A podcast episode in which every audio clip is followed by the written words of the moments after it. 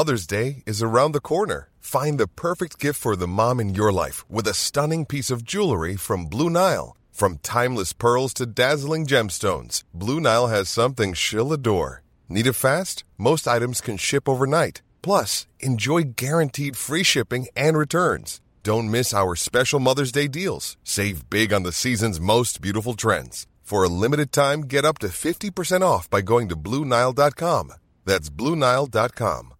Hey, it's Danny Pellegrino from Everything Iconic. Ready to upgrade your style game without blowing your budget? Check out Quince. They've got all the good stuff shirts and polos, activewear, and fine leather goods, all at 50 to 80% less than other high end brands. And the best part? They're all about safe, ethical, and responsible manufacturing. Get that luxury vibe without the luxury price tag.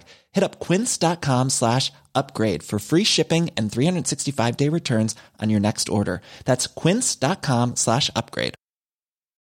Since 2013, Bombas has donated over 100 million socks, underwear, and t shirts to those facing homelessness. If we counted those on air, this ad would last over 1,157 days. But if we counted the time it takes to make a donation possible, it would take just a few clicks. Because every time you make a purchase, Bombas donates an item to someone who needs it. Go to bombas.com slash ACAST and use code ACAST for 20% off your first purchase. That's bombas.com slash ACAST, code ACAST.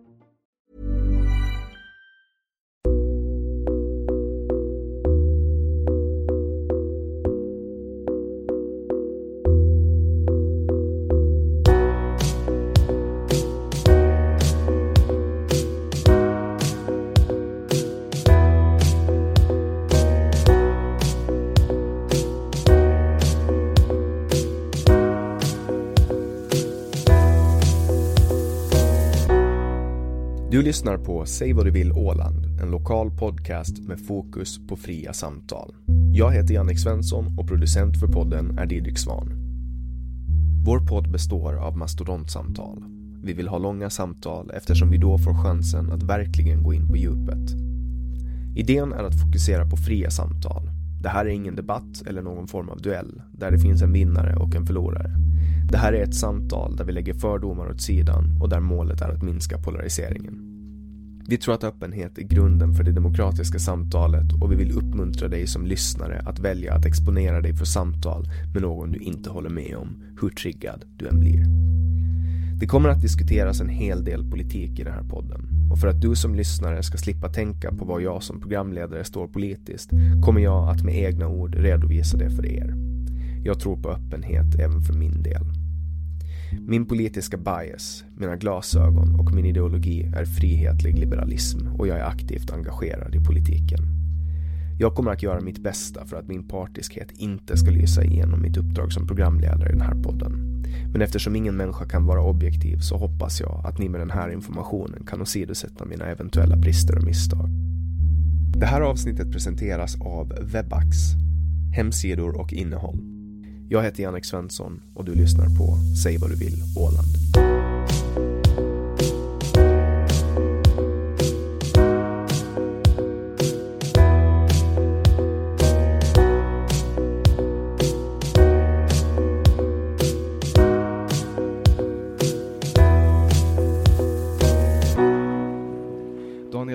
Chefredaktör på Ålandstidningen. Han har tidigare varit VD på Ålcom och Ålands Näringsliv. Han hade ingen erfarenhet av nyhetsjournalistik när han i mars blev tillsatt som chefredaktör och har nu avverkat fem månader på posten. Välkommen hit, Daniel Dahlén. Tack ska du ha. Eller det är kanske du som ska säga välkommen. ja, vi sitter i, det anrika rummet som chefredaktören har på Ålandstidningen. Ja. Ja. Glasburen som vi brukar kalla det, eller den kallas säkert det fortfarande. Säkerligen, apan i glasburen. Säkert. Ja, det är väl där den hör hemma. Och på väggen hänger en bild av Julius Sundblom. Mm, han håller ett vakande öga på mig dagligdags. Och så har vi också första ettan, alltså första första sidan som Ålandstidningen har släppt. Mm. Mm. Om en fri hamn i Mariehamn då, bland annat. Mm. Och du hade alltså du, du hade aldrig jobbat en dag som journalist när du blev chefredaktör? Nej, jag har aldrig jobbat som en, en dag som journalist. Det har jag aldrig gjort eh, före jag började här. Eh, jag, jag, är däremot statsvetare i grund och botten eh, och har den erfarenheten och plus att kommer från en samhällsengagerad familj sedan, sen långa tider tillbaka, så någonting om samhälle har alltid varit aktuellt kring middagsbordet sedan barnsben. Så det är ingen nyhet för mig då, om vi säger som så, att, att eh, jobba nära eller ta till mig nyheter på det sättet. Men det är klart, eh, journalism eh, är ju en, en helt annan sak. Jag tänker att det är lite, lite Donald Trump, att du jobbar med någonting helt annat. Du jobbar inom näringslivet hela livet och sen helt plötsligt så sitter du på det högsta opinionsbildande ämbetet man kan göra på Åland. Ja, jag skulle säga som så att inte, i dagens samhälle så är det så att du, du skapar ju erfarenheter från olika delar och de, situationen ser nästan likadant ut på, på oberoende var du är i en organisation. Att det är klart att man skaffar sig ett yrke många gånger, men många skaffar sig också bara en utbildning. Och jag är en av dem som har skaffat mig en utbildning och sen bygger jag på mig erfarenhet därutöver och försöker ta mig framåt då. Och, och nu sitter jag här då. Mm. Eh, så att eh, jag skulle väl se det mer som en uppmuntran till många att man, man skaffar skaff sig en utbildning, men sen så gör vad du vill med den. Jag har så många exempel från min närhet där där du har en utbildning som du kanske inte alls jobbar med, mm. utan det är bara ett steg för att ta nästa steg. Just det. Och sökte du tjänsten hit eller blev du tillfrågad? Jag blev tillfrågad. Och då var du VD på Orcom? Det var jag, ja. ja. Vad tänkte du när de ringde och frågade? Eh, spännande, intressant. Eh, samtidigt hade vi väldigt mycket på gång på Allcom. Eh, vi hade gjort en resa på Allcom som jag är jättestolt över att vi gjorde. Eh, och den resan fortsätter nu under ny ledning. Men, men, så jag var lite sådär fundersam. Jag visste väl nog en hel del vad det skulle leda till. Jag hade ju trots allt varit på Ålands näringsliv och det är en ganska offentlig roll det också. Och I synnerhet så som jag drev den eh, rollen eh, som VD där då. Så jag vet att det offentliga i det lilla sam samhället har sina utmaningar. Men, men eh, samtidigt kunde jag inte motstå möjligheten eftersom jag ser att det här är en tid som präglas av, av väldigt mycket som inte jag som individ kan stå för. Som jag tycker att vi behöver ta upp och vi behöver strida hårt för. Eh, allt från de demokratiska värdena till, till eh, Åland som en självstyrande autonomi. Mm. Som jag tycker att, eh, jag tycker att det, har, det försummas på olika delar i, i samhället och då kan jag inte sitta tyst längre. Så därför var det jättebra för mig att komma hit. Och jag tycker att du Alltså du ser ju verkligen ut som en chefredaktör. alltså. ja, det, ja, det kanske kavajen idag som gör det. Ja. Jag, vet, kavajen, jag, tycker ja. att du, jag tycker att du passar perfekt här inne. Ja, kul. Eh, ja. I början så tänkte jag så här, jag blev ju lite fundersam, men shit, alltså mm. de, de, väljer, de väljer en person som inte är journalist, men jag hade ingen aning om att du var statsvetare. I, i ja, jag är statsvetare och sen har jag, jag filkand i rätt också, så att jag har väl ganska många ben att stå på på det sättet. Men eh, nej, och samma sak. Jag menar, vi har en jättebra journalistkår här på tidningen och, och, och eh, jätteduktiga nyhetschefer och redaktionschefen Sandra Wedinge i, i, i spetsen. Så vi har ju en journalistisk grund att stå på. Ledarsidan är ju trots allt en opinionsbildande sida. Och, och, därför så kanske det inte finns så lika stora krav på det journalistis journalistiska rent ur det hänseende. Samtidigt som jag är chefredaktör så jag ansvarar jag också rent juridiskt för innehållet. Mm. Och sen eh, kan man väl också säga att du, du axlar den här publisher-rollen i och med att du också är VD? Ja, absolut. VD och vi har en mängd eh, koncernbolag och styrelser som också tar sin tid. Så, så att eh, det är en mångfacetterad roll som min föregångare Niklas Lampi hade som, som först ut. Och före det hade det ju varit en, en tudelning med vd-skap och, och redaktörskap. Då. Mm. Men nu är det en publisher-roll, precis som du säger. Mm. Så det är allt från business till, till opinionsbildning, dagarna ända. Så hur, hur balanserar du din tid? Ja, eh, det, är en, det är ju en fråga. Det är en bra fråga faktiskt. Eh, jag eh, mycket handlar ju om ännu att för min del så har det varit det redaktionella har tagit lite mer tid än det affärsmässiga än så länge eftersom det är det som jag kanske min, min, min kunskapsbas inte har sträckt sig till hittills då medan det affärsmässiga har jag jobbat med x antal år. Så, så att eh, mycket har det gått till det redaktionella men det kommer att bli mer och mer eh, affärsdrivna verksamheter här som får sitt fokus också. Mm. Så, så att att, eh, men mycket som sagt, fem månader handlar om att lära sig och vara ödmjuk inför det och ta till sig vad som, som fungerar bra och vad som kan bli bättre. Mm. Så när det kommer till att väga olika nyheter, har du, har du kommit in i det ännu eller? Har ni redaktionsråd? Vi har redaktionsråd och vi har ledarråd och sådana där saker. Så vi har, och synnerhet är det ju så att jag och, och redaktionschefen eh, Sandra Weding då och nyhetschefen och Petra Dahlgren och Annika Kullman. Så vi har ju diskussioner dagligdags ändå så där som det blir eh, i det dagliga.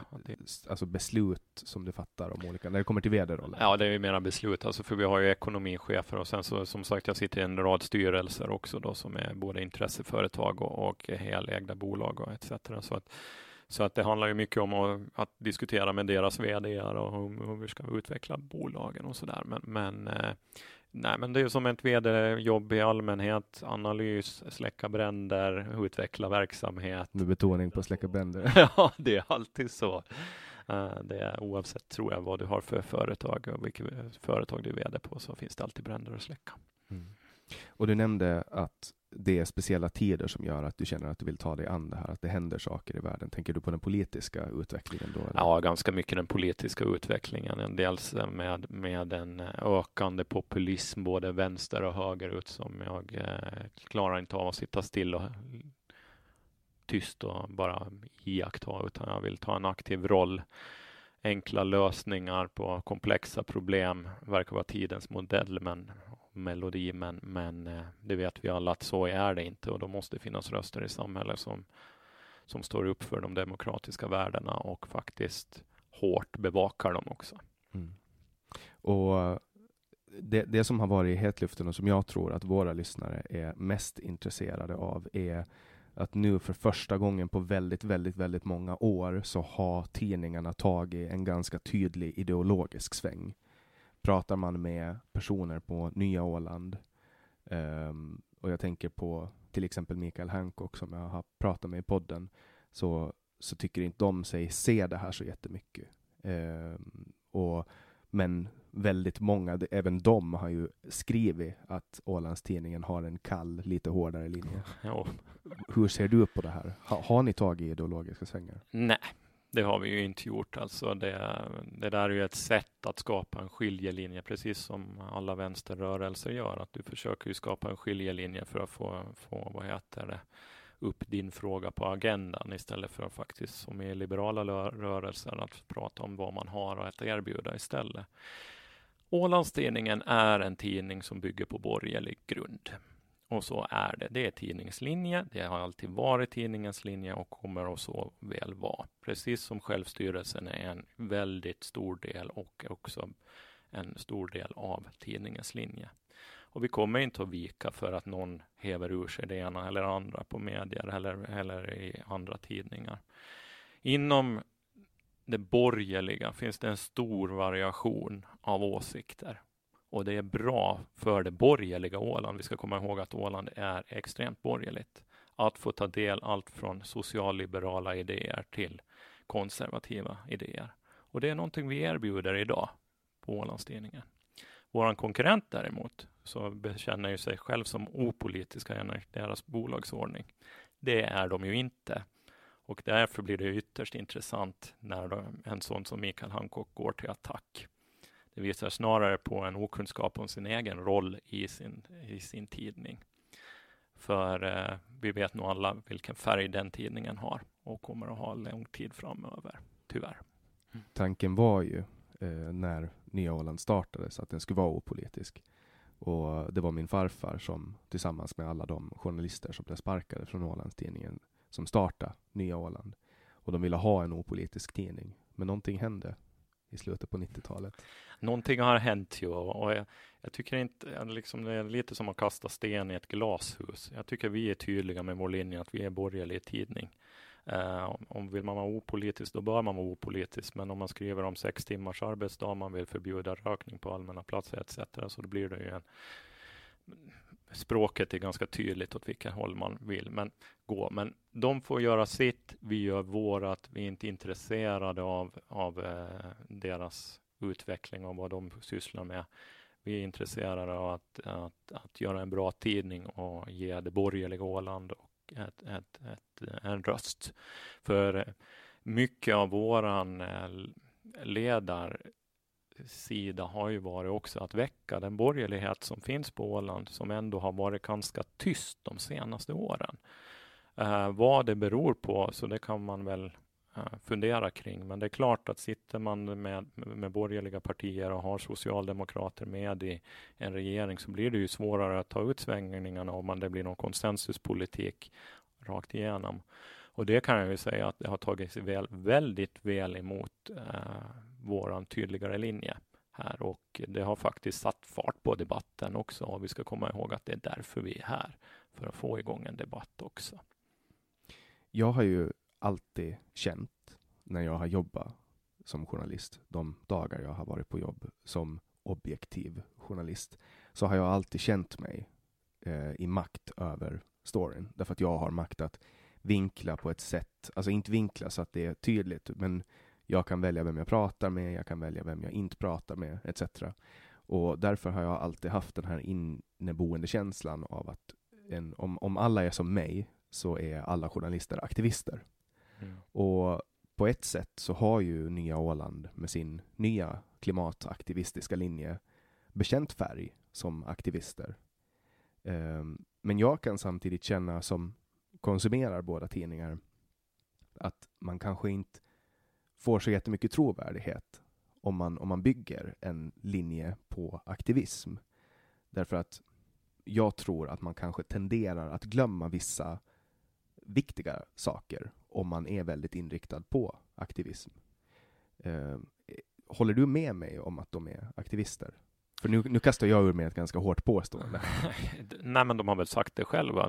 De sa ju att miljö, det är alarmist, alarmerande läge som miljön är i och, och jag, jag, jag, vågar inte säga om de har aktivister själva nu, det, det får stå för dig, men, men jag delar ju din uppfattning kring kring att man som, på, som journalist bör vara extremt noga med att inte inta en sådan roll. För snabbt har du då ett nytt Fox eller Pravda eller vad det nu blir. Att trovärdigheten blir ju svår att bevara om man inte försöker hålla en så objektiv roll som möjligt som journalist. Sen är det en annan sak om det är på, på, på ledarplats och i krönikor etc.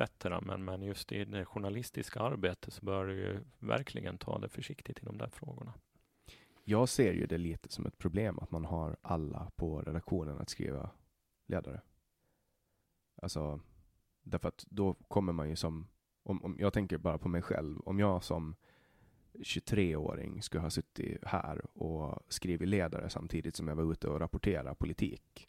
Mm. Då, skulle liksom, då faller ju hela den här grejen med att man ska vara objektiv. Mm. Helst så pratar man ju inte om vad man röstar på när man är journalist. Nej. Det är lite på den nivån. Visst är det så. Visst är det så. Och många röstar blankt då för den delen. Ja. Säger de. Ja, exakt. ja. Så nej, ja, det, jag, vi har ju ett råd då, med x antal som skriver ledare. Och eh, det är klart att vi, det handlar ju mycket om också att man vill ha en bred bild som jag var inne på tidigare just för att kunna visa på det fina med, med olika idéer inom, inom en, en en begränsad borgerlighet då, om vi säger som så. Men, men eh, jag tror inte på att jag tror också att det kan vara ett bekymmer för att om alla skriver ledare för att det kanske blir lite för eh, allmängiltigt också på sikt. Du har ju svårt att gräva dig vidare i alla ämnen också och få ett djupare kunnande. Mm. Eh, sen tror jag att det där ger sig nog ändå kanske på sikt att du har olika områden som du skriver i om Eh, det som ligger varmast hjärta tenderar ju också vara det du lyfter fortast kanske på, på när det gäller opinionsbildning. Mm. Och ledarsidan är ju opinionsbildande. Men på något mm. sätt så känns det som att, för nu har jag börjat läsa ledare oftare än vad jag har gjort innan för att jag tycker att det är spännande, men ofta så känns det som att um, ledare kan vara ganska, antingen så är de ganska skitnödiga för att man behöver mm. få ut någonting, eller så är de skarpa. Ja. Att det här mittenläget har försvunnit, precis som sam samtalsklimatet liksom har blivit polariserat.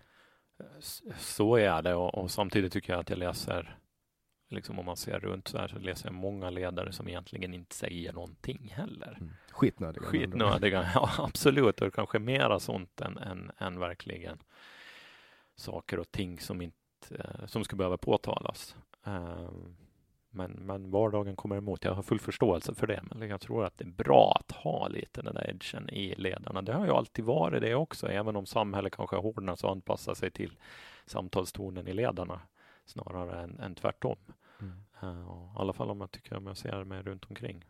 Nu har jag ju minnen också, jag menar uh, min företrädare Harry Jansson och hans uh, bataljer med Nina Fällman och, och sådär, att nog var det ju ganska hårda ordalag det också. Det här, det här får du filma in någon, för jag var nog ganska för ung för att veta vad som hände. Ja, där. det var en pajkastning utan dess like mellan tidningarna eh, under den perioden och eh, fortsatte väl lite till och från också därefter. Nu har de väl bara hoppat över till huset här på Strandgatan.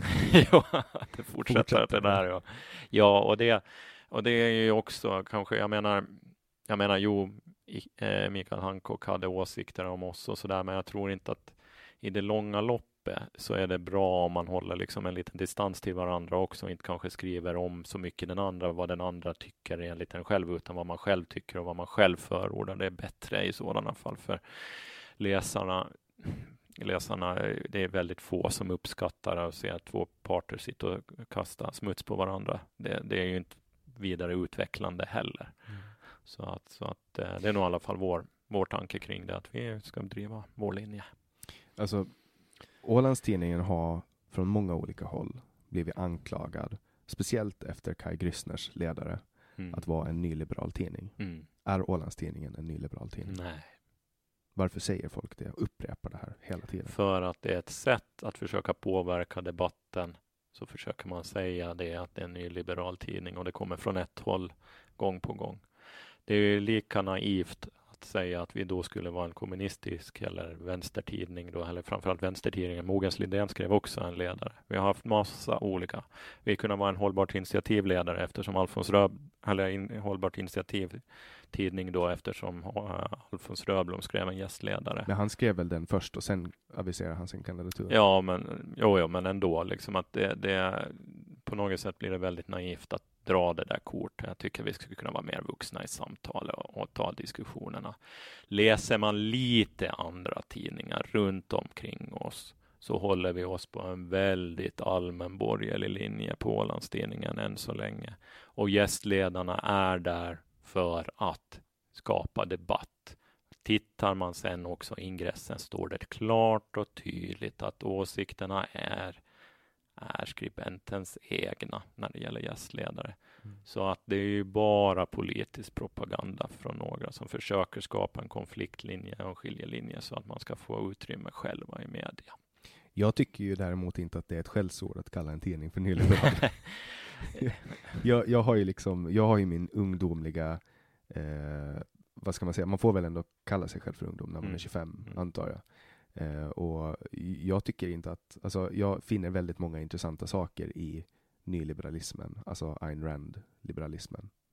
Men det, det, är inget skällsord i mina heller, men jag, mitt, mitt, eh, i min vokabulär överhuvudtaget heller, utan det är bara en, en nyans av liberalism. Eh, däremot så tror jag inte att vi ska vara en nyliberal tidning och jag vet att vi inte är det. Och jag tror inte att Åland ska bli ett nyliberalt samhälle heller. Eh, så att jag tycker att det är väl det jag sätter mig emot när, när det liksom kommer att de, de det är ett påhitt och dessutom om vi tittar på uh, såväl mina ledare och, och Henriks och, och Herlin då, som är också ledarskribent, så att inte, det finns inte något nyliberalt egentligen att tala över. Det är ganska mycket liberalism mm. av det som har framförts och ett ifrågasättande för att vi ska ta nästa steg. Men det är ett aktivt väl, vägval man har gjort där då för att försöka få, få igång en debatt istället för att faktiskt lyssna på vad, vad vi säger och, och, ta till det och kanske fråga upp istället. Så försöker man skapa den aggressiva tonen och försöker ta det till nästa. Jag tror att man går vinnande ur det, men det tror inte jag däremot. Sen är det också jättelätt att, att kalla någonting som är liberalt för nyliberalt och mm. kalla någonting som är vänster för kommunistiskt. Ja, så man, är man det. kastar de här stämplarna. Så är det.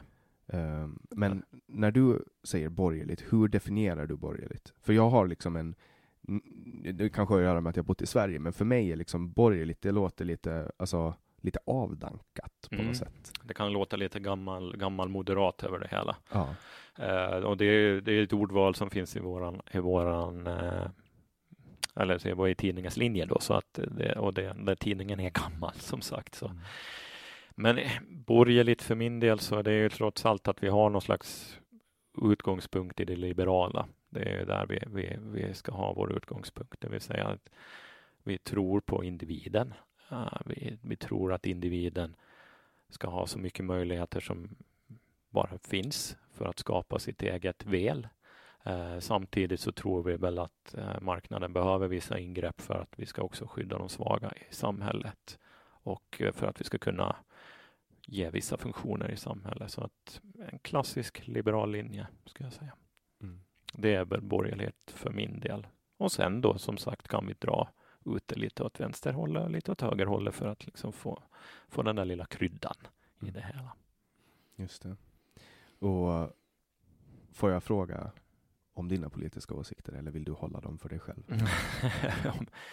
politiska åsikter? Nej, men alltså jag, jag sitter ju där jag sitter eh, och i det jag har sagt tidigare så, så jag, eh, vad jag röstar på kommer jag inte att säga som sagt. Och, och, men eh, det var väl det jag sa också här tidigare, just att den åländska borgerligheten med Centern och med eh, Liberalerna och med Moderaterna och Ålands framtid och, och obundna så kanske behöver fundera lite kring kring borgerlighet och, och var man står och det var det vi ville få igång här direkt då när Henrik och jag började också att vad står de borgerliga partierna för och hurdant borgerligt Åland brukar, vill vi ha framledes?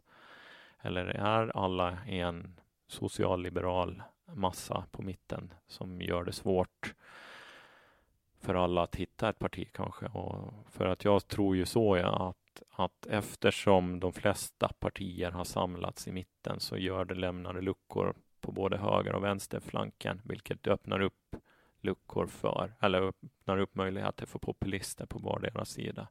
Och det behöver vi inte. Utan jag tror att hela samhället skulle vara förtjänt av, och är det politiska samtalet, om man skulle ta lite, lite svängarna däremellan. Mm. Så att vi inte hamnar bara i mitten. Och det är ju också min analys att alla har liksom krupit ihop mot mitten och att man sen gör ett ganska stort personrace om vi pratar åländsk politik. Mm. För att eh, jag har varit ganska hård i min kritik mot systemet personröster. Därför mm. att personrösterna gör att man tvingar folk att konkurrera med personer inom sitt valförbund. Mm. Det finns ju inte partier på Åland. Eh, och sen får alla göra sitt eget race. Liksom. Istället för att om vi ska ha som i fin, finska riksdagen, svenska riksdagen, att man röstar på ett parti och sen delas mandaten ut enligt en lista som valkommittén har spikat. Mm. Då tror jag att det skulle höja statusen på partiarbete och mm. det skulle också göra att eh, folk blev tvungna, alltså partier skulle bli tvungna att välja ideologi. Mm. För att nu finns det en väldigt bred mångfald i alla partier. Du hittar folk till höger i Socialdemokraterna och folk till vänster inom Liberalerna. Mm. Och, och även Moderaterna tycker jag, min personliga åsikt, att gör lite underliga vänstersvängar ibland. Mm. Och när det kommer till det åländska politiska klimatet, hur, hur väl insatt och intresserad är du? Är det liksom ditt primära fokus eller kollar du mera på USA eller Europa eller Finland? Nej, det är klart att det åländska är det primära. Uh, sen så följer jag de nämnda väldigt hårt och intensivt också, i synnerhet på EU-nivå också, som jag är väldigt intresserad av. Så mm, jag följer nog med, det ska jag nog säga.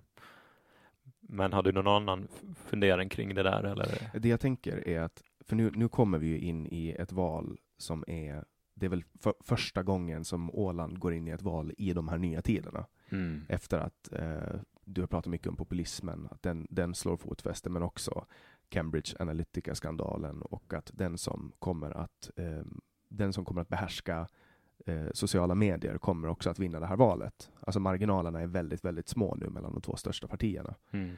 Och där har ju opinionsbildningen och speciellt tidningarnas journalistiska arbete en jättestor betydelse för utfallet mm. eh, på valet. Och eh, nu har jag ingen direkt fråga som, som jag försöker komma till, eh, utan snarare kastar ut eh, sättet jag ser på mm. just det här med till exempel polariseringen. Ja, och jag tror som så att eh, du pratar om sociala medier och vikten av det. Eh, min spontana analys av sociala medier på Åland är att du har en drös med politiker som säger vad de tycker, men de använder inte den till att lyssna.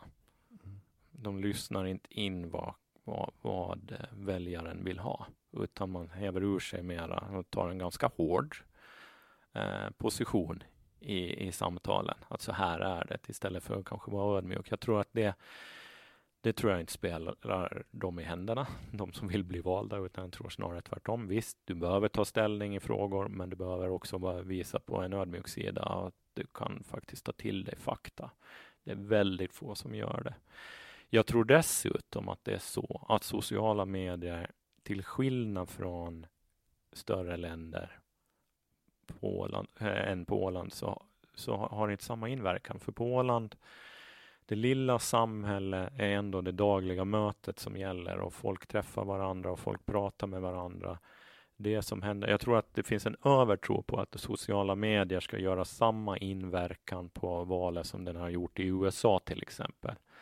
Samtidigt konstaterades det ju till och med i svenska valet senast att liksom sociala mediers inverkan på ditt val av parti och kandidat då för den delen skulle det säkert bli här då, men så är väldigt liten.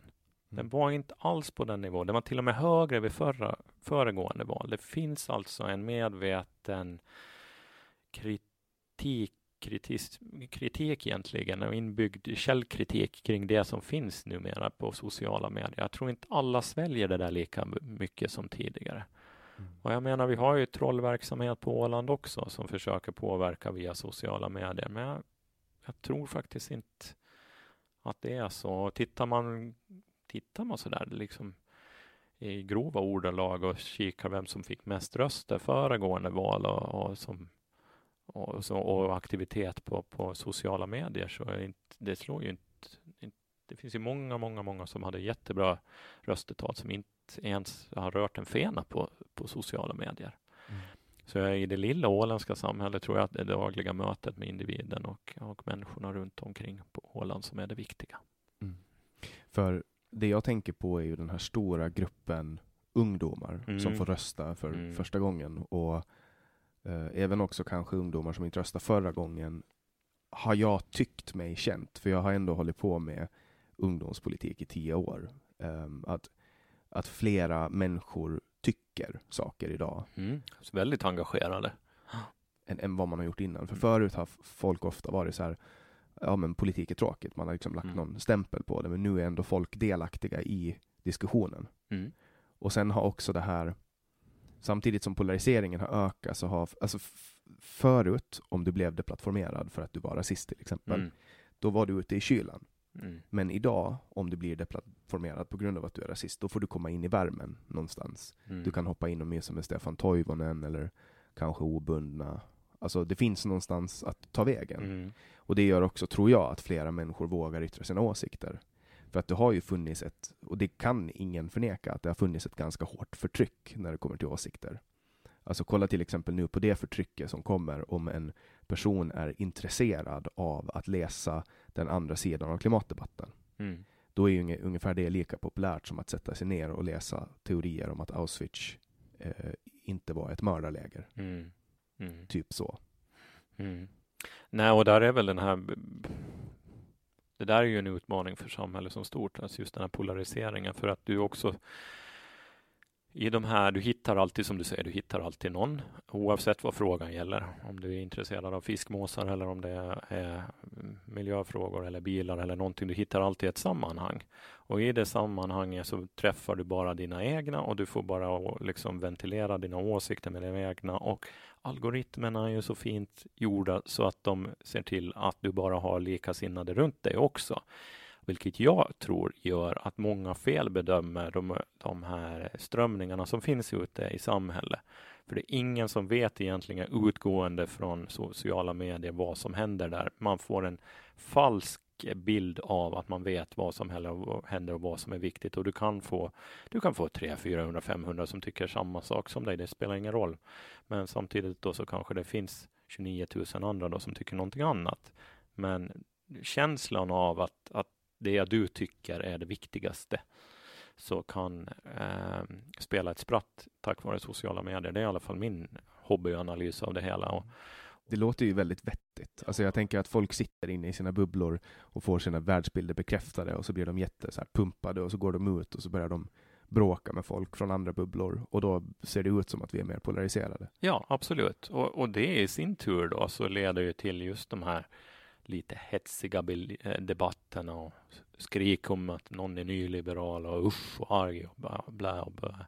Istället för att kanske, kanske bara liksom diskutera saken, diskutera sakpolitik och, och, och, eh, och faktiskt försöka sträva framåt i samtalen. För att det är, jag tycker överlag så är det lite dåligt med framåtsträvning i det offentliga samtalet idag. Mm. Och, och då tänker du med framåtsträvning, alltså konkreta politiska åtgärder? Konkreta politiska åtgärder, lyssna in vad den andra säger och sen, nej men det där tror inte jag. Jag tror kanske att man behöver vänta den här vägen eller så här och, och, och faktiskt ha en respekt. Va? Det, det, va, sa jag, men respekt. Men respekten är, är respekt för varandras åsikter och faktiskt inse att an, olika åsikter kan eller och de, bara, de, de inte bara kan utan de ger en större insikt om samhället och de ger kanske bättre lösningar om vi lyssnar på varandra än om vi går i konflikt gång på gång. Och det jag tänker på när jag tänker på åländsk politik är främst lagting och jag tror att många håller med om att det är den bilden av åländsk politik. Men sen ska vi aldrig glömma att väldigt mycket av den riktigt nära politiken sker ute i kommunerna. Självklart är det så. Och nu har vi en kommunreform mm. som kommer att gå igenom hur tror du att det här påverkar? För att för många pratar ju om att landsbygden håller på att dö ut och du vet, man pratar om att ungdomsgårdarna är tomma och äldrevården, allt kommer att gå åt helvete. Hur tror du att den här reformen påverkar demokratin ute i när, närbygden, om man säger så? Jag tror faktiskt att vi behöver göra en kommunreform. Det, det, det tror jag att det, de flesta inser. Uh, I synnerhet om vi ska ha det lagstiftande trycket på oss som vi har idag då, ute i kommunerna att ska det behöva, om det inte ska vara en kommunreform så då behöver också lagstiftningen ändra. Och då ska servicen på ett eller annat sätt ner. Och med det sagt behöver det inte bli sämre service, men det behöver liksom ses över ganska rejält. Då. Jag uppfattar det som så att det ute i kommunerna finns ett stort, stort engagemang också bland yngre för sin kommun. Och jag tror faktiskt att det är lätt att förbise den när man, Eh, om man befinner sig i Mariehamn, om man rör sig i Mariehamn. Är du ute i någon byalag eller, någon, eller, eller någonting sådant så ser du ett stort engagemang från den yngsta till den äldsta. Om man faktiskt brinner för det lokala. Och det där måste ju vi ta tillvara också. Därför är det en utmaning med kommunreformer och därför är det faktiskt en fråga som inte får hetsas igenom och, och och vilket lite görs nu för tillfället, utan det behöver faktiskt få verka sig fram. Sen så med det sagt så behöver det ske en förändring, för det här behöver, de här behöver inte utesluta varandra heller, förändring kontra det lokala. Men, men det finns ett stort engagemang och ett jordnära engagemang där man tar ansvar och är intresserad av sin lokalbygd och det är någonting väldigt demokratiskt mm. och väldigt viktigt. Jag kan ju tycka att det som du beskriver är ganska rare. Alltså när jag kollar till exempel på uh, vår producent Didrik, mm. han, han, har, han är lika gammal som mig, han är ett, år, ett år yngre, så han är 24, mm. 25. Och han har ett hus i Sund, han sitter med kommun, i kommunfullmäktige och han kan liksom inte tänka sig att bo på någon annan plats än mm. Sund. Men när jag ser det här hos honom, då blir jag fascinerad av det, för mm. det är så få som, som har det. Uh, alltså, men jag vet inte, det är kanske för att jag är en Mariehamnare i grund och botten. Att jag liksom inte känner den här lokalpatriotismen mot eh, Mariehamn. Alltså att jag kanske inte förstår den bilden. Nej, och där är, jag är ju Mariehamnare från början också, men samtidigt så har jag jobbat i Omala kommun. Jag har väldigt mycket i Hammarland. Jag har väldigt goda kontakter till Saltvik till exempel och där ser jag ett engagemang på ett helt annat sätt än i Mariehamn. I Mariehamn det var ju ingen i alla fall när jag, bryd, när jag växte upp som brydde sig om Mariehamn. Det var bara en stad som alla andra städer och det fanns inte något engagemang. Visst, det finns någon som är hardcore strandnäsare fortfarande, mm. men, men det är ju mer en gimmick än någonting annat. Mm. Så, så medan det på ute på landsbygden så det finns faktiskt och den här sammanhållningen du har mellan generationerna, mellan individer och, och olika åsikter och allt. Men du, du driver framåt tillsammans och vill göra saker. Den finns där ute. Den är inte liksom passé. Den, det är lätt att, som sagt, att man fastnar i sin bubbla, men den är där ute. Den är där ute. Mm. Skärgården förstår jag ju. Jag var nyligen på Kökar en helg på ett bröllop och, och, fick liksom se, det var första gången jag var på Kökar och fick uppleva den här eh, väldigt, väldigt, väldigt lokala känslan de har där ute och kan se liksom deras eh, struggle i trafiken, att de är liksom beroende av den här färjan. Um, och det är ju någonting som folk pratar otroligt mycket. Alltså 10 procent av Ålands befolkning ungefär bor ute i skärgården. Eh, men skärgårdstrafiken dominerar sitt slag politiska frågor. Vad, vad, tror du att det är som gör att, att den här frågan berör så många? För det är ju inte bara de 10 procent som bor i skärgården som pratar om det, utan det är ju övriga också. Jag tror det finns flera variabler som gör att vi bryr oss så mycket om skärgårdstrafiken. Jag tror, tror en fråga är faktiskt ekonomisk. Det, det, den är, det är jättestora pengar som det åländska samhället lägger in eh, i, i skärgårdstrafiken. Det gör att det också finns ett engagemang. Jag tror också att det är någonting som folk kan ta på. Det är lättare liksom att ha en åsikt om en färja än om något djupt eh, strategiskt självstyrelsepolitiskt beslut. En färja vet alla hur det ser ut och kan ha en åsikt kring hur den ska gå och när den ska gå. Så de bitarna tror jag. Sen finns det väl en sak som jag har funderat kring också. Det är just det här större orosmomentet. Vi är ju faktiskt en skärgård allihopa. Eh, och jag vet att många från skärgården inte tycker att det stämmer. Och nej, Åland, fasta Åland är inte en, en skärgård i den bemärkelsen att vi är som, som någon av skärgårdskommunerna. Men samtidigt sätter vi det stora hela så är vi 29 000 en, på en ö ute i Norden i ett, ett hav långt uppe långt uppe i Europa som dessutom är ganska glesbefolkat och har väldigt liten inverkan på övriga eh, världen. Så vi är en liksom en del, väldigt perifer, periferi del av världen på det sättet. Och, och små, alltså vi, jag tror att det finns liksom någon igenkänningsfaktor att, ja men oj, får vi liksom inte här att funka i skärgården, så vad händer med Åland? Står Åland näst på tur som helhet, om vi nu ska skilja fast Åland mot skärgården. Men finns det någon risk att det liksom bara krymper? För det, rörelsen hittills har ju varit att det är centralorter, tätorter som växer och då pratar vi de stora orterna. I, i, i Sverige är det Mälardalen och så har du Köpenhamn och Oslo och så där och Helsingfors, Vanda område. Men, och, och det, men vi kan ju inte ha länder som bara består av de här ja. orterna heller. Men nu ses det som ett problem att Jomala växer. Ja, ja, det är ju så. Ja. Så att Nej, men så, så jag tror samtidigt så har det ju kommit en motrörelse till det här och det är väl, jag tror att det var just Stockholmsområdet som visar liksom nu en ordentlig nedgång i de här bitarna, eller inte ordentlig, men en nedgång i in, inflyttning för första gången på bra länge. Mm. Så, så att, eh, Stockholm har ju verkligen nått, nått sitt cap. Jo, nej men det är lite så. Och, och jag menar, det, och i Centraleuropa så är det många som vill flytta ut på landsbygden. De flyttar till Norden för att de vill ha ett annat sorts leverne. Så, så, så att, eh, ja, mm, det finns många funderingar kring det där. Och innan du började jobba här så jobbade du som VD på Allcom. Mm. Vad, hur länge jobbade du där? När började du? Jag började 2013 så jag jobbade sex år där. Gjorde jag. Vad var det största du var med och gjorde på Allcom? Allcom ska göra samma sak på 40 anställda som, som, som Telia gör på 20 000. Och många gånger så, är, så liksom uppfattas Allcom som, som upp, eller den där stora stygga vargen och Telia som, som uppstickaren på Åland, vilket är lite intressant. Eh, jag tycker väl att det största vi, vi, det var flera saker som vi gjorde som jag tyckte var riktigt bra, men vi hamnade, vi, när vi kom in äh, den ledningen, då, så nya ledningen 2013, så var ju bolaget egentligen fusionerat av tre olika bolag egentligen var det ett resultat av. Och där var det en resa, en kulturresa som vi måste göra för att binda samman och bli ett bolag. Vilka bolag, vilka bolag var det? Det var Enterstore, Ålands mobiltelefon och Ålands, eh, Ålands datakommunikation som blev ett bolag. Då. Och det var samma ägare från början? då? Nej, det var, var det olika ägarstrukturer, så där, olika kulturer och olika liksom, ja, mycket som var olika som skulle bli ett. Och det var en resa som tog tid och var smärtsam, men jag tycker att vi, vi lärde oss och vi gjorde, gjorde det riktigt bra.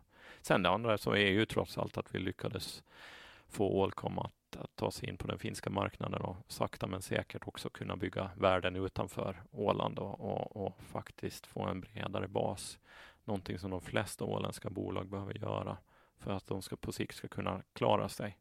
Det vill säga att det går inte bara att leva på, på det som man kan tjäna på Åland. Eh, inte om du vill vara ett, ett, ett framgångsrikt bolag i, i framtiden. Skillnad på branscher, absolut, men, men på den största delen av åländska bolag just i den här storleken som 30, 20, 30, 40 anställda som behöver ta den resan bortom det åländska och, och in i, gärna i våra närregioner. Vad, vad omsätter Ålcom? 14 miljoner drygt nu. Och tidigare, före du kom till Ålcom, så var du på Ålands Näringsliv. Mm. Hur, länge, hur länge var du där? Ålands Näringsliv var jag, ja det blev faktiskt sex år det också drygt. Vart det. Ja. Så det, ja. Som först var Ålands Handelskammare då, där gjorde vi resan sen då slå, fast, slå ihop Ålands Handelskammare, Arbetsgivarförening och Köpmannaförening som blev Ålands Näringsliv. Mm. Och varför bytte ni namn från handelskammare? För det är väl det offent alltså, officiella, Chamber of Commerce? Ja, Chamber of Commerce är ju det absolut mest vedertagna internationella namnet samtidigt som det var mer en politisk fråga från på den tiden att för att de här föreningarna skulle känna sig alla lika välkomnande så behövde man, behövde man hitta ett namn då som alla kunde samlas kring och då blev det Ålands näringsliv då. Skulle man bara övertagit Ålands handelskammare så då hade kanske någon känt att nej men det är ju inte våran förening det här. Men på engelska så går man fortfarande under jag vet inte hur de gör nu, men då när jag var så, då körde vi på engelska Chamber of Commerce, och för att det är det vedertagna och det är, det är absolut störst i, i, i hela världen. Det här med näringsliv är trots en ganska nordisk modell som sådan, att det är handelskamrarna som gäller runt om i världen. Mm. synnerhet i utvecklingsländer och eh, Syd och Nordamerika. Mm. För väldigt många lever ju i villfarelsen att Ålands näringsliv är en offentlig organisation. Mm. Varför har den bilden satt sig hos många, tror du? Ja, det där var någonting som jag brottades med väldigt mycket eh, när jag jobbade där. Eh, jag tror dels Dels är det det att man har drivit väldigt många projekt. Eh, dels det var det också att offentligt finansierade projekt. Eh, sen är det ju en Handelskammaren har ju en myndighetsfunktion på det sättet att den är en av de få icke-myndigheter som har en myndighetsfunktion, det vill säga till, de har sett tillsynen på, på revisorerna bland annat då, i landskapet. Hade då i alla fall. Men det är för att man är anlitad till det? Jo, man är anlitad till det och det finns liksom stipulerat i lagstiftning att Handelskammaren har tillsyn över revisorerna. Så, så det finns ju säkert sådana variabler, men sen så tror jag också att eh, kanske lite för ofta har man inte varit tillräckligt kritisk mot den näringslivspolitik som har bedrivits. Och där var jag väldigt noga med att vi skulle föra företagarnas talan eh, och faktiskt eh, framföra kritik när det verkligen var också. Att inte vara rädd att föra fram kritik ifall att det skulle bli av med lite projektpengar eller dylikt. Den bästa näringslivspolitiken är väl den som inte finns? Absolut, det är så. Det är så. För att alltså, hålla på med så här inkubatorer och, och stoppa in pengar i olika småföretagare. Ja, det är klart att så länge våra närregioner har liknande stödsystem så då måste vi ju ha det, det vi också. Det, så är det. Annars har vi ju svårt att konkurrera. Men den bästa näringslivspolitiken som Ålands landskapsregering kunde föra, det är ju bara att se till att trycka på, på vad heter det, företagen minskar, det vill säga allt från OMH, men framför allt att hitta en lagstiftning som svarar bättre mot de behoven som finns ute i det åländska näringslivet. Och där har vi en enorm resa att göra. Vi ligger efter på lagstiftningsområde efter lagstiftningsområde. vilket påverkar dagligdags näringslivet. Och, och, och där finns det också stora möjligheter genom att ha bedriva en aktiv lagstiftningspolitik som gynnar eh, gynnar de branscherna som finns på Åland så skulle man kunna locka till tillväxt och också nyetableringar. Och det är komplext, det är inte lätt och det är det därför jag tror, tror att man lättare hamnar in i stödformer och vill diskutera stödformer istället för att ta lagstiftningen i hand. Kanske också för att det finns en liten social, äh, signalpolitisk äh, lockelse också. Ja, absolut. Ja, men ja, vi gav ju bidrag. Att är ni inte nöjda nu då? Mm. Och jag skulle säga att framför allt är det så att, att ett företag ju, ju lite den har, ju, desto mindre den har att göra med en myndighet, desto bättre. För den, all myndighetskontakt leder bara till kostnader och, och gör att du tar fokus bort ifrån affären. Mm. Och tyvärr är det så att många gånger så, ja men landskapsregeringen säger kanske att ja men våran lilla grej är ju så liten. Ja, eran grej kanske är liten, men i ett stort sammanhang när du har också tillsynsmyndigheter i riket och, och, och andra på, på, på Åland så blir det ett problem. Att du får för mycket och du ska ha olika uppgifter till olika. Bara statistikleveranserna är, är besynnerliga, eh, både i, på Åland men också mot olika myndigheter i, i Finland. Att de, de frågar efter olika saker och det där tar enorm tid och enorma resurser och kostar mm. massor med pengar. Och sen när man måste infinna sig personligen på, på vissa platser mm. och hålla på med papper. Det är ju också en killer. Ja, men det är det. Det är förlorad tid liksom. Och allt det där tar fokus bort från, från, eh, från, från affärsverksamheten. Är vi värst på området? Nej, inte finns de som är betydligt värre i, inom EU även på det här. Men vi har också väldigt, väldigt mycket att lära oss. Och det skulle inte behöva kosta någonting så där hemskt mycket i alla fall. Det kostar säkert lagberedningsresurser, men det är ju någonting som Åland lider brist på i övrigt, så det kanske skulle vara någonting för er kandidater inför valet att fundera på att hur ska vi, om vi har nu en autonomi, då måste vi också ha höja statusen på yrket när, som är lagberedare och att vi faktiskt aktivt jobbar med att få en till en lagstiftning som svarar mot våra behov. Mm. För det går inte att ta bara lagstiftning från Sverige och Finland heller, för vi ska komma ihåg att deras näringsliv skiljer sig väsentligt mot vårt näringsliv. Mm. Ja, det är bara att ta skattegränsen och kolla på hur den påverkar ja, absolut. oss ja. och hur den hämmar tillväxten från till exempel när vi skattegränsen slår ju ut e-handeln helt och hållet. Och e-handeln är ju en av de mest växande trenderna som alltså export av mm. e-handel. I Sverige kan ju vem som helst som, som har en laptop starta ett, ett företag inom e-handel och med mycket enkla verktyg använda tredjepartslogistik för att börja pumpa ut sina produkter mm. och använda olika former av marknadsföringskanaler. Det här är någonting som växer jättesnabbt. Eh, riktiga människor som kan sälja riktiga produkter till andra människor som söker på internet. Mm. Men det går inte på Åland det går, men du hamnar ju på leverans utifrån Åland eller på, från ett annat ställe än just på Åland och det är folk som har, många som har det också, eller företag som har det. Samtidigt som man ska komma ihåg att 92 procent av handeln sker fortfarande i butikerna, men trenden är tydlig. Det är den ju, absolut. Jag, jag hann ju liksom på de år som jag bodde i Sverige akklimatisera mig till e-handeln. Mm. Alltså, du vet, så fort ett batteri var slut så sökte man på sin telefon och så mm. fick man upp en annons och så tog det så här 30 sekunder att genomföra köpet. Mm. Man använde fingeravtrycket, den hade adressen färdigt, man använde Klarna. Det var liksom mm.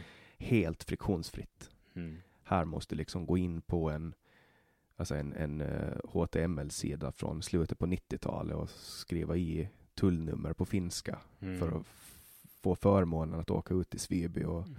finna att ditt paket redan är skickat till Mariehamn med en pappers i. Alltså, mm. Det är så mycket friktion det bara kan bli. Ja, och samtidigt, ja absolut, jag håller med på det, för, för på individnivå så är det jobbigt att handla över online.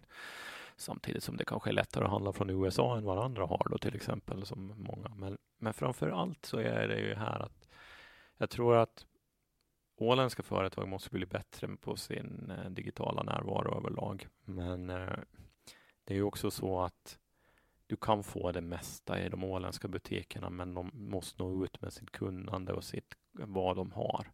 Och det behöver inga vara dyrare heller. Uh, jag vet bara med Ålcom så var vi ju absolut billigast på telefoner i hela Finland. För det hade vi satt som mål uh, att det skulle vara. Och, och, det gjorde vi. Så att det behöver inte vara dyrare, men jag tror också att det där är faktiskt en generationsfråga, att man kanske lättare går till telefonen än att man faktiskt går ut och tittar vad det finns i butikerna. Så därför måste ju de också bli bättre, inklusive oss på också, med vår digitala närvaro och finnas där när kunden söker, utan vi ska vara där vid tillfället, inte vet, att folk... man ska söka runt i efterhand heller. Folk är ju så fruktansvärt bra, alltså företag är så fruktansvärt bra på att sälja. Mm. Så om jag ska göra någonting hemma och inser att jag har slut på batterier mm. och går till min närmsta ICA, mm. då kommer jag att komma ut med en kasse full av saker. Mm. Alltså det kostar pengar för mig att gå till butiken, för att när jag väl är där, då är jag i deras grepp. Mm. Och så är det ju här på Åland också, men här ser man priserna och så blir man liksom rädd. Eh, men det, har, det är också en del. Du vet att så fort man går in i en butik så blir man manipulerad till att köpa saker som man egentligen inte behöver. Jag tänker på en matbutik. Mm. Eh, och därför, det är hela konceptet. ja, exakt. Ja. Och därför är det mycket lättare att gå in och köpa sina batterier. Mm. Och samtidigt då så, så, är det ju så att du vet ju att det där gynnar ju hela samhällsekonomin det då att du har en konsumtion. Absolut, men det är förödande för min egen. Ja, det är det säkert. Du får lära dig att hålla, hålla i plånboken. Samtidigt är det ju så också att det handlar väl om att köpa rätt grejer och, och inte köpa ja, liksom i dessa hållbarhetstider. Och där kan man ju säga då, ja, köpa online. Hur, hur liksom hållbart är det? I det stora hela, det är inte hållbart egentligen med alla transporter och allt som behövs till utan du har mycket bättre att handla av din lokala handlare. Kanske lite dyrare, men du gör ett bättre val och du har, du har lättare att påverka din handlare än, än om du hamnar i klorna på de stora. Mm. För mardrömmen är att vi hamnar i att vi har bara Amazon att handla av och, och Lidl. Att det, det, finns ju, det finns ju en intervju med en miljöpartist där de frågar så här, vad, vad tänker du om, om liksom, vad kan man, man, man kan göra på, på det här området? Och hon ville att man skulle ha underjordiska tunnlar dit man skickar mat. Ja. Så att man skickar mat i underjordiska tunnlar. Jättebra. Ja, det skulle vara, det skulle vara jättebra. Sen. Någon måste gräva dem. Någon måste gräva och spränga sönder och alla dieselutsläpp och sådär. Så, nej, men det... Vi vet ju att tunnlar är ganska dyra. Jo, det vet vi. Och det, då glider ju ganska bra in på Fögletunneln. Mm. Nu, nu är det ju ganska mycket snack om Fögletunneln. Mm. Vill du, vill du säga någonting om den? Eller ja, absolut, det kan jag göra. Vi har ju tagit ganska tydlig linje om inte eh, så i dagens tidning då. Så tog vi en linje där, där vi ifrågasätter det här beslutet om elfärja ganska rejält. Att vi, vi, vi förstår inte heller liksom majoriteten av, av, av de vi har talat med i alla fall förstår inte den här investeringen överhuvudtaget. Dels för att det är så nära valet. Uh, man borde ha, ha större ödmjukhet gentemot väljarna och invänta deras besked. Eh, dels är det ju en enorm kostnad som tvingas på framtida generationer uh, och kommer att ta tid att betala och svårt att komma ur om man vill det. Och sen att hävda det som vissa politiker gör att en miljösatsning, det, det håller ju inte heller eftersom hela projektet bygger på stora, att det ska sprängas ner en massa och, eh, och samtidigt så saknar vi den stora debatten. Det vill säga, vad vill Åland och ålänningarna med skärgårdskommunerna och skärgårdens framtid? Vad vill vi? Vad tror vi? Vad är det som gäller? Och innan vi har svar på den frågan ska man inte hitta teknokratiska lösningar på trafiklösningar etc. Utan mm. vi ska hitta målet och syfte före nu ska jag försöka att inte ta ställning här. Mm. Jag, det är ju trots allt mitt parti som har varit med och gjort det. Men som jag förstod det så hade man beslutat om den här investeringen för länge sedan. Men att det var sista dagen på anbudet. Det gick ut och att man därför fattade beslutet att köpa den nu. Att det hade ingenting med valet att göra. Samtidigt som prislappen blev betydligt dyrare än vad man har angivit tidigare och då kan man väl kanske fundera att bör vi faktiskt ta det här till lagtinget en gång till så att alla är med på det här. För eftersom det är så stor investering så behöver det finnas någon slags konsensus kring det eftersom det kommer att binda upp så många budgetar framtiden. Lyssnar du på poddar? Ja, det gör jag en del. Jo, jag lyssnar på poddar. Det gör jag. Vilka är dina favoriter? Den här? Den här och sen, nej, jag har faktiskt en rad poddar som jag lyssnar på. Jag har jag har poddar är, någonting som jag gör, lyssnar på när jag gör saker ute och har hörselskydd på mig eller om jag målar eller om jag snickrar eller vad jag nu gör, byter däck eller någonting sånt. Så då har jag, nej men jag lyssnar på en podd som jag aldrig missar så det är Vetenskap historias eh, på, på, på P1 då som jag lyssnar väldigt mycket på. Public service. Public service faktiskt, ja. Sen så lyssnar jag på The Economists poddar göra för att få en djupare analys eh, av världsläget. På tal om nyliberala. Han är liberalare, men i alla fall. Uh, och sen då så ledarskapspodden på Dagens Industri brukar jag lyssna på för den är väldigt intressant. Och som ledare behöver man alltid utmana sina egna tankar och idéer om ledarskap. Och det är väldigt intressant att lyssna på vad, vad andra har för tankar om, om ledarskap och vardagen. De kommer ofta in på vardagen. Det här med att släcka bränder till exempel som vi var inne tidigare på så är någonting som alla, alla lyfter också i de där ledarskapspodden. Och sen faktiskt lyssnar jag på, på Aftonbladets NHL-podd. Det gör jag. Du är sportintresserad? Eh, lite, inte, inte exceptionellt. Det, jag brukar titta, det är NHL jag följer, det gör det. Eh, av något konstig anledning har jag alltid gjort det. Så. Så då blir jag, tycker Vilket det... lag är det som gäller där då? Nej, inget egentligen. Jag bara, du bara följer NHL? Jag bara följer NHL. Jag bara tog intresserad av själva apparaten och hur allt fungerar. Okay. Av någon underlig anledning. Det är sällan jag ser någon match. Så du, du, åker, du åker inte hit och kollar på hockey här på Åland? Eller? Nej, jag, jo, det har jag väl gjort också, men med NHL liksom till Stockholm eller Helsingfors, då åker jag. Mm. Det gör jag. Så kollar du på Super Bowl då? Nej, faktiskt inte. För där har vi en apparat. Där har vi en apparat som är, jag, jag, lite, jag håller på, jag med, medvetet har jag hållit mig borta från det faktiskt. Ja, för då måste du sitta uppe på natten. ja, lite rädd för att det kan bära iväg då. Vad gör du på fritiden då? På fritiden, just nu är det mycket med min familj, eller hus och familj och vänner. Det är, vi är småbarnsföräldrar så mycket av den, av den vakna tiden går till att lära dem folkvett. Nej, men såklart att umgås med dem. Att umgås med dem då. Men annars så är det ju teater och musik som gäller för min del. Just det. Vad har du för projekt på gång där då inom teater och musik? Teatern så har jag aktivt tagit steg tillbaka ifrån nu då, under de här åren när vi har småbarn. Jag tror väl att jag kommer tillbaka till den, men jag känner att jag hinner inte med. Och denna gång har du en hel kulturredaktion bakom I bästa fall, ja. Fem år. Hur, fem år heller till allt. Ja, ja nej, vi får väl se. Nej, men vi, vi, jag har ju varit aktiv i teatern sedan ja, barnsben, så jag har svårt att släppa det lite nu, men nu finns inte tid. Men musik så håller jag på med ett funkband som vi spelar. En, vi har lite gig nu och då. Nu har vi inte spelat på länge, men eh, för vi håller på att renovera replokalen. Så ska vi se. Vad spelar du då? Jag sjunger i det bandet, gör jag. Men annars så är det trumpet och sådär. Så.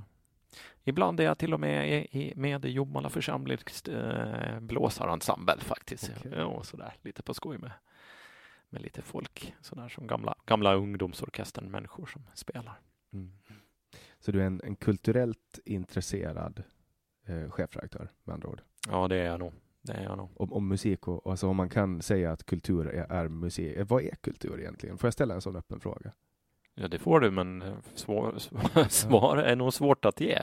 Eller hur? För att man ja. pratar ju om, om, kulturpolitik till exempel. Ja. Man pratar om kulturfrågor, men vad är kultur egentligen? Vad är kultur? Ja, du kan ju ha en snäv att det är de här konstformerna, dans, ja. musik, teater, men, men... För det är väl den allmänna uppfattningen? Ja, typ. men det, är det, det är det Petter sitter och skriver om. Ja, men han skriver nog om annat också. För kultur kan ju också vara um, ungdomskulturer och det kan vara liksom hederskultur. Hederskultur, det kan vara. Han skriver inte så jätteofta. Nej, kanske politiken, men politiken kan handla om hederskultur ja. förvisso. Nej, men så, nej, vad är kultur? Jag, alltså jag tycker, på tal om mossiga ord, så kan jag väl tycka att kultur är ett väldigt mossigt ord. Jag tycker det är bara fruktansvärt att uttryck, roligt att uttrycka mig på något sätt och vis. Och då har teater och musik blivit mitt eh, sätt att uttrycka sig. Och jag tror att det är extremt viktigt för ett samhälle att inte bara ha sportaktiviteter. Åland är ju väldigt fokuserad på sport, men det finns ett enormt kulturliv på Åland. Och det är extremt viktigt att det finns någonting annat. Det ska finnas för motorintresserade också, men att det finns för alla individer. Mm. Och kulturen är ju bra på det sättet att den lär den lär dig känna andra och dig själv och framförallt så lär den dig att respektera andra Mm. individer. Är det här kultur, att vi sitter och gör en podd? Eller är det medborgarjournalistik eller alternativa medier? Jag kallar mig själv för alternativ media. Alternativ media. Ja, frågan podd, podd som, som vad heter det? Vad ska jag säga? Podd som helhet är väl en kulturfråga i alla fall. Men fråga, jag, jag vet inte faktiskt. Jag vill inte etiketteras alltid eller jag, jag är lite allergisk mot det. Ja. Låt orden tala för sig själv istället. Man gör ju det, man ställer ju in folk i, i olika fack hela Mm. tiden. Eh, och mycket handlar ju om fördomar. Mm. Alltså, kolla på, fördomar måste ju ändå vara alltså, någonting som alla människor har. Mm. Jag tror inte att det finns någon människa som är befriad från fördomar. Och för mig att sitta ner med ett så brett spektra av olika människor, jag har ju alltid fördomar Mm. mot folk när jag ska sätta mig ner med dem. Eh, och till exempel avsnittet med Knatte Palén Mm. så hade jag världens fördom. Liksom. Mm. Det var så här, jag hade läst vad han hade skrivit på internet och tänkte den här människan, han måste vara helt tokig. Liksom. Mm. Han måste vara galen. Och satt vi oss ner och pratade och så visade han sig vara en otroligt ödmjuk människa. Mm. Eh, som var väldigt verbal. Mm. Och det var liksom raka motsatsen. Jag hade honom som en, alltså han var en dryg bonde i min, alltså mina fördomar och sen Mm. satt vi ner och så var han helt annorlunda.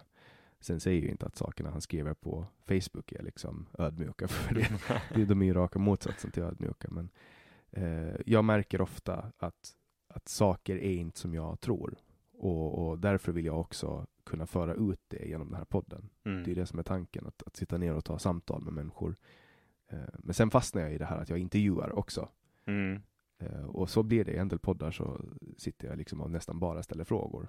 Ja, men det har väl med ett intresse att se liksom vad Ja, ja jag försöker, långt. Ja. försöker få samtalen att flyta. Ja.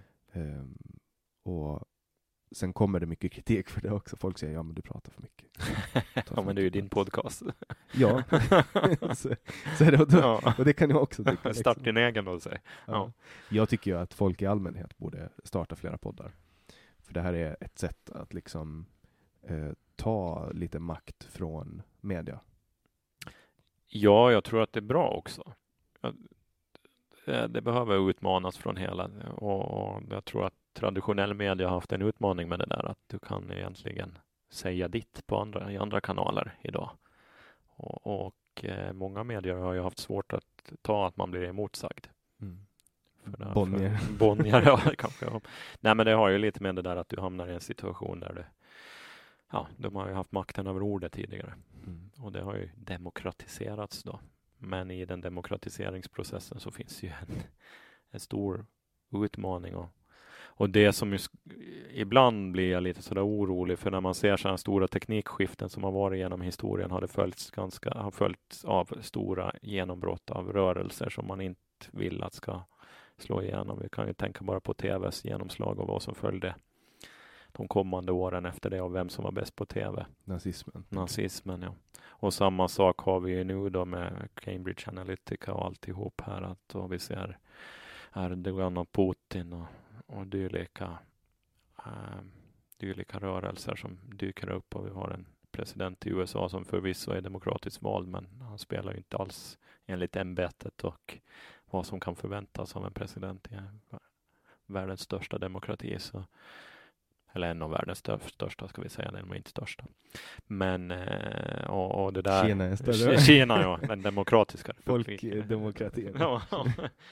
Tänkte De på- heter väl till och med Folkdemokratin? Ja, de gör väl det. Jag tänkte nog snarare på Indien kanske då, men Mm. ja, men så att eh, mm, jag vet inte riktigt vart jag vill komma nu, men jag tappade. Jag tror inte att man behöver eh, komma någonstans egentligen. I sådana här samtal så är huvudsaken, och det jag försöker tänka också är så att jag sitter på ett café och vi dricker kaffe. Mm, Det är typ det vi försöker uppnå, ja, eh, att få ett samtal. Och poddar är ju ett otroligt, otroligt bra medie eftersom det är så intimt. Mm, Alltså, du och jag kommer att vara, alla som hör det här, vi är inne i deras huvuden liksom. mm. Och vi är så nära inpå om man bara kan komma en människa utan att fysiskt Ja, för du lyssnar ju oftast med hörlurar på poddar också. Så. Ja, exakt. Och det är också ett, ett sätt att, alltså koncentrationen ökar ju också när man rör på sig. Hjärnaktiviteten, blodflödet i hjärnan. Man, man, väldigt många människor också har, har det här som primärt, eh, alltså det bästa sättet för dem att ta in information. Mm. Och sen måste man inte alltid, för att en, en del säger också så här att nej men jag kan inte lyssna på det för jag kan inte koncentrera mig. Men jag tror inte att det är meningen att allting ska vara intressant för alla. Nej, men det är väl det som är det fina med poddar. Du sätter på dem och så gör du någonting och så ligger den där i bakgrunden och sen så, åh, det där ja, det där var någonting intressant. Så kan man lyssna lite extra och så får den ligga och rulla på där. Mm. Man behöver inte alltid konsumera allt från början till slut. Det var som en professor i statsvetenskap eller policyanalys som jag hade. Han sa att man läser inga böcker från början till slut eller utan man hoppar däremellan. Det är bara skönlitteratur man läser från början till slut. Mm. Ja, en bra bok är ju strukturerad på det sättet ja. att man kan hoppa. Och sen finns det ju saker man kan lyssna på hur många gånger som helst och böcker man kan läsa hur många gånger som helst. Mm, ja, visst är det så. Men det är ofta av skönlitterär karaktär som man plockar fram det. Vad sa du? Det är oftast skönlitterära verk som man plockar fram tycker jag. Och läser ja, flera gånger. Läser om och ja. ja. Jag har ju några som jag, som jag läser om ja. eh, typ en gång i året. Ja, så pass. Mm. Ja, 1984. Mm. Den läser jag en gång i året. Ja. Eh, bara för att påminna mig om eller så här, varje att gång... vi redan är där. ja, nej, men så här, varje gång jag läser den så, så hittar jag någonting annorlunda. För att jag utvecklas som människa och angriper den på ett annat sätt varje gång. Mm. Eh, och det är väl det som är lite intressant. Jag har också testat läsa den på engelska och svenska. Mm. Och, och, där är det liksom lost. Det är mycket som förloras i. Så, är, så är det ofta. Eh, och sen har jag ju också, eh, som Filip Hägglund sa i podden, att jag och Annie Lööf är de som har Ayn Rand som favoritförfattare. Men mm. för mig är Ayn Rand liksom eh, det fick mig att ändra min värld så mm. när jag läste Atlas Shrugged. Mm. Har du läst Atlas Shrugged? Jag har inte läst Rand faktiskt. Jag har läst det mesta från vänster till höger av de här större filosoferna, men inte inte Rand faktiskt, av för, någon anledning. Nozick däremot har jag läst. För, för det som jag tror med Ayn Rand och, och varför jag tar upp det hela tiden med mm. folk, alltså det var kanske fjärde, femte gången jag tar upp det i podden, är för att eh, även om man inte har eh, någon politisk sympati, vad man, än, alltså vad man än har och hur man än tänker, så är det omvälvande att få en eh, filosofi eh, så snyggt och smidigt förklarad och transplanterad mm. som hon gör. Därför att det hon gör är att istället för att skriva en bok där hon skriver det här och det här och det här, och man jämför med kommunistiska mm. manifestet, mm. eh, som du säkert har läst. Det har jag tyvärr, jo. jag håller med dig. Eh, och då, för, då förklaras ju liksom ja, men kommunismen, mm. hur det funkar och hit och dit. Mm. Men i Atlas Shrugged så förklaras istället, eller i alla Ayn Rands böcker, eh, även The Fountainhead, så, så, förklaras filosofin och objektivism i praktisk handling genom människor. Mm. Genom väldigt mäktiga och kraftfulla människor. Och eh, sättet man ser på världen efteråt förändras. Även om man bara tar en liten, du vet, tvågradig förändring mm. om man tänker på saker. Så två grader på ett stort hav är väldigt, väldigt mycket. Ja, det är väl det som är det fina med människan som helhet, att vi ändras över tid också. Mm. Och vi går, i alla fall de tänkande individerna, om vi ska vara ärliga. Mm. Så då, då kanske jag ger dig till hemläxa? Och, och ja, faktiskt. Det är underligt att jag inte har läst det, för jag har läst som sagt den här bokhyllan där hemma innehåller de, de här större filosoferna. Och helt ärligt, ibland är de väldigt tråkiga när det kommer till effektivisering av Spinning Jenny, så kanske man blir lite trött ibland. Och så, mm. men, som en viss filosof, eh, känd politisk filosof, jätte, gärna refererar till. Mm. Men, eh, nej men absolut, absolut. Där får jag ju också varna dig för att om du tycker om, om du inte tycker om eh, långrandiga saker så kommer det i Atlas Shrugged typ 45 sidor. Ett 45 sidor långt radiotal. Ja. Som är ganska segt att ta sig igenom. Jag förstår det, jag förstår det. Men ja. det är en, det är en eh, då, då ska vi få se på nyliberal tidning. Så här, när du kommer hem, när du kommer nyfrälst och skriver din första. jag, tror faktiskt inte, jag tror faktiskt inte att jag kommer att gå den vägen. Jag, jag, jag är ledsen Jannike. nej, jag tror, jag tror inte att, att, eh, att den gör en nyliberal. Jag, jag tycker bara ja, att... Nej, det... men alltså det är väl som all annan filosofisk litteratur, att du ges en möjlighet att reflektera kring de eh, de åsikter du har och framförallt också kring det, det som händer i samhället och hur man ska ställa sig till saker och ting. Och, och det tror jag att alla skulle må bra av att ta den resan. Mm. Ja. Jag vill inte sätta mig in på några höga hästar, men, men för att det är lite som du säger, man skulle behöva läsa dem gång på gång på gång på gång för att hålla sig up to date. Ja, så är det. Typ så. Och sen, sen också, just när det kommer till Ayn Rand, bara för att säga det sista om det, är att det har inte mera med eh, den laissez-faire-kapitalistiska dragningen som hon hade, utan det har mer att göra med att man inser hur jävla devasterande socialismen är för samhället. Mm. Och man inser att det är den liberala och den socialliberala ådran som rinner i samhället som gör att vi är så välstående som vi är. Vi har så mycket pengar, vi har så mycket utveckling, vi har så mycket eh, välstånd. Det är tack vare liberalismen och dess idéer. Så är det och, och det är därför vi har de friheterna vi har också som individer och vi har rösträtt. Jag tycker att det är faktiskt någonting som glöms bort emellan i debatten och kanske kanske i synnerhet Socialdemokraterna, de var förvisso en stor aktör i det hela och väldigt viktiga i början av 1900-talet, men utan liberalismen så hade det inte funnits några sådana rörelser heller. Nej. Och sen det här med att man, man misslyckas med att inse vilket jävla hot socialism är mot demokratin.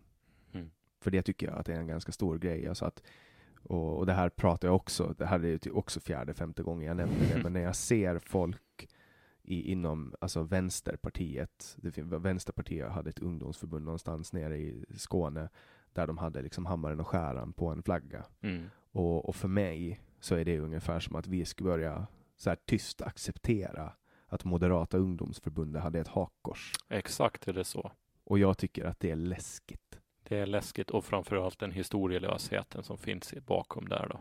Mm. Ja, alltså och, och, och, som man försöker tiga ihjäl. Och den, det gäller även på Åland att springer man med hammare och skära på sig så i mina ögon så är det likadant som, precis som du säger, ett hakkors.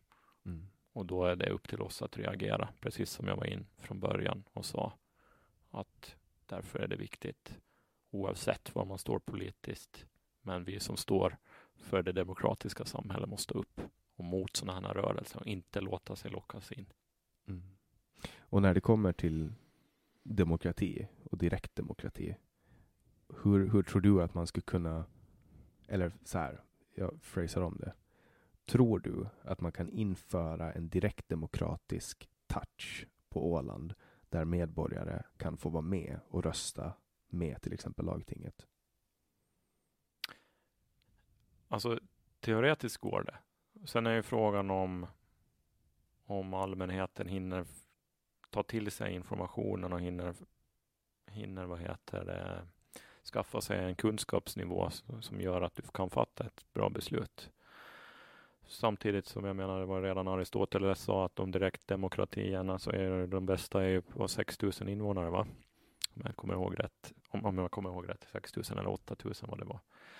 Så det skulle ju göra att vi skulle ha alla möjligheter att göra det redan ur ett grekiskt filosofiskt perspektiv. Mm. Och med dagens teknologi så skulle det ju gå att, för oss att ha en mer utökad direktdemokrati i det åländska samhället. Frågan är om vi vill ha det. Alla gånger är inte eh, allmänheten den bästa på att fatta besluten. Här. Jag tycker Brexit är ett ganska tydligt exempel där man nu har målat in sig i ett hörn där man inte vet varken fram eller bakåt. Jag tror att det var etablissemangets fel att Brexit genomfördes. Mm, så kan det vara. Jag tror att det var deras djupa ignorans och folkförakt. Och eh, bristen med just de här bubblorna då, att mm. förstå att, att, att eh, det finns en annan rörelse där i bakgrunden som ingen, ingen känner till, men som finns där. Plus ja. att du har andra som spär på det då. I form om, om man liksom idkar eh, normal självkritik så kan det inte flyga förbi en att människor är förbannade. Det är samma som Sverigedemokraterna i Sverige. Nej, och det är väl ett, ett bra uppvaknande för EU och Bryssel som sådant, att någonting måste göras. Eh, samtidigt som jag inte tror att, att det där är vägen överhuvudtaget.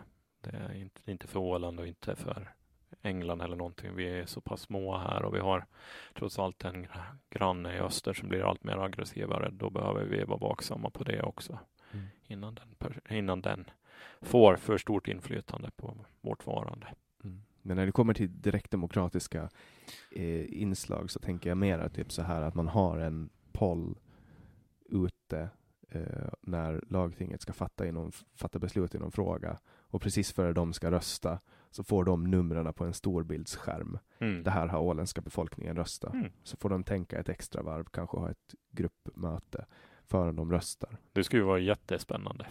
Och det går ju så bra. Du kan ju ha bankkoder eller liknande så du kan börja rösta en gång också. Så att det är Exakt. inte bekymmer överhuvudtaget. Vi har ju den infrastrukturen lagd. Ja, Och det ska ju också öka på eh, diskussioner. Folk vill prata med ja, men samtidigt då, var går gränsen för populism då? Att det är ju den då. Men jag tror aldrig man kan, man, jag tror inte man kan värja sig för populism. Populism är någonting som uppstår när folk är missnöjda. Och om folk är nöjda och känner sig inkluderade så uppstår det inte. Mm. Alltså, för att då vet folk, det är typ som Socialdemokraternas populism i förrförra valen när de lovade fri tandvård åt alla Mm. och fick massa röster. Liksom. Mm. Eh, de var ju, alltså det, det hade ju också med en missnöjesfråga att göra. Mm. Eh, all populism, eh, alltså har man nu vet inte jag vart jag försökte komma med det där exemplet. Det var antagligen bara en liten. Bara ett störningsmoment. Nej, men ge en liten klackspark åt Socialdemokraterna när jag fick chansen. Ja. Nej, men jag tror att populism uppstår när människor är missnöjda. Mm. Och Ja, så är det ju absolut. Det är ju så att det- missnöjd föder populism.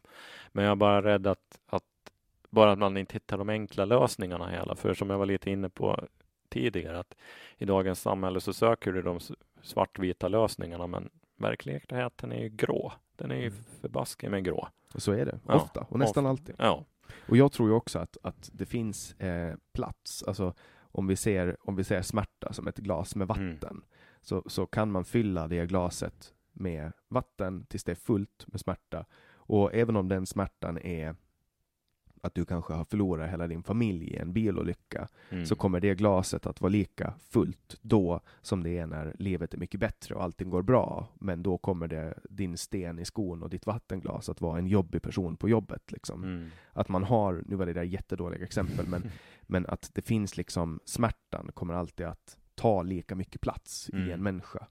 Eh, och, och även om det är då ångest eller om det är sociala saker eller politiska frågor. Mm. Att vi har ju det ganska bra Mm. som diskuterar infrastruktur på Åland. Ja, absolut. Vi skulle kunna ha så här hungersnöd och epidemier som spred sig, men vi sitter och bråkar om 66 miljoner euros investeringar.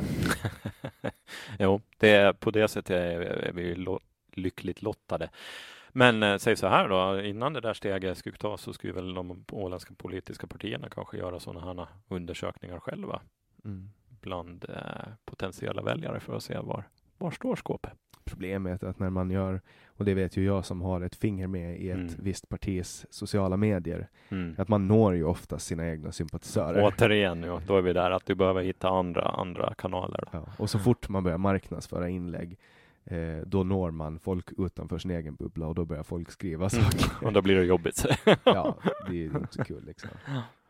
Så där är liksom Men jag, jag tror ju som sagt på den här idén med att man inför direktdemokrati och jag tycker att att saker, argument som att nej men människor förstår inte till, tillräckligt mycket om saken, absolut, men sen, sen ska ju inte heller lagtinget vara ett gäng utbildade människor. Det ska inte vara jurister, utan det ska ju vara personer som representerar folket. Det ska ju vara en avspegling av samhället i stort. Mm. Och folk är ju det. ganska dumma i allmänhet. Då är det inte så konstigt att vi har dumma Ja, politiker. mm, för att citera en annan Ja. ledare då, tänkte jag säga. Alltså, massan är dum. Ja. eh, Så. Och jag tycker ju inte att folk är dumma. Bara för att, Nej. bara, bara för att eh, förtydliga det, det var ett skämt. Nej, nej, nej, absolut inte, inte folk dumma, eh, utan jag tror bara att det, det finns ju en risk i att det är samma människor som engagerar sig i de här frågorna och kör samma, att, att och är verkligen där och, och, och, och, och röstar varje gång och så har du en stor massa som inte har varken tid eller intresse att göra det och då kan du ju få en snedvridning av politiken också som inte motsvarar. Vi kanske borde införa Ja, ett rösttvång. ja, det finns ju demokratier som har det, och i synnerhet diktaturer. Ja. Demokratiska diktaturer. diktaturer har man rösttvång. ja. Nu, Ja. börjar, nu börjar klockan närma sig ditt möte. Och Mm. jag antar att du inte vill skjuta på ditt möte. Nej, det får jag tyvärr inte göra. Ja. Det har ju varit lite svårt att, att få, en, få en tid med dig. Du är en upptagen person, i synnerhet ta två timmar av din arbetsdag.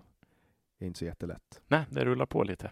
Det lät så här i början i alla fall. Mm. Ja. Och för de som tycker om kortare poddar Mm. har ju, har ju fått en fullträff idag, så att säga. Men under dem, för att nu, har vi ju inte kört de två timmar som, som jag brukar köra. Nej, just det. Men eh, de här sista tre minuterna, då finns det någonting du vill ta upp? Sista tre minuterna? Nej, jag tycker väl att lite för att koppla tillbaka till det som vi pratade om i början om tidningarnas roll och beskyllningar hit och dit. Jag tycker vi ska lägga sånt åt sidan. Jag tycker vi ska prata om vad vi tror att är bäst för samhället. Vi ska använda våra sidor och ledarsidor till att berätta om möjligheterna som det här samhället ger. För det är massor med möjligheter som finns och vi behöver vara mer framåtriktande än bakåtsträvande. Vi behöver mer samla oss än, vad, än att kriga gemensamt, eller krig, och kriga gemensamt än att, att, att slåss internt. Vi är 29 000. Vi bor på en ö långt upp i Norden, i det glesbefolkade Norden. Konkurrensen är enorm om kapital, om människor och framtiden så måste vi själva ta hand om. Det finns ingen annan som gör det åt oss och därför måste vi stå enade. Lite för mycket navelskåderi ibland på Åland. Lite för mycket stormar i vattenglas. Vi behöver samla oss och ta kraft igen för att eh, nå kommande framgångar. För utan ett framgångsrikt Åland har vi inte en framgångsrik välfärd heller.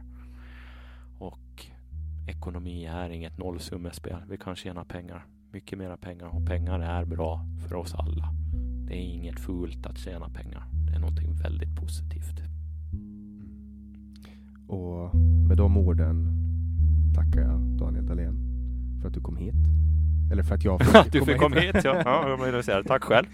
Ja. Ni som tycker om det vi gör är jättevälkomna att dela våra filmer på Facebook. Vi släpper nya avsnitt varje onsdag. Du kan också gå in på vår hemsida, se om du lyckas lämna in ett tips. Vi uppskattar tipsen jättemycket och jag lägger det självklart på en lista av människor att harva igenom. Producent för det här avsnittet är som vanligt Didrik Svan. Jag heter Jannik Svensson och du har lyssnat på Säg vad du vill Åland.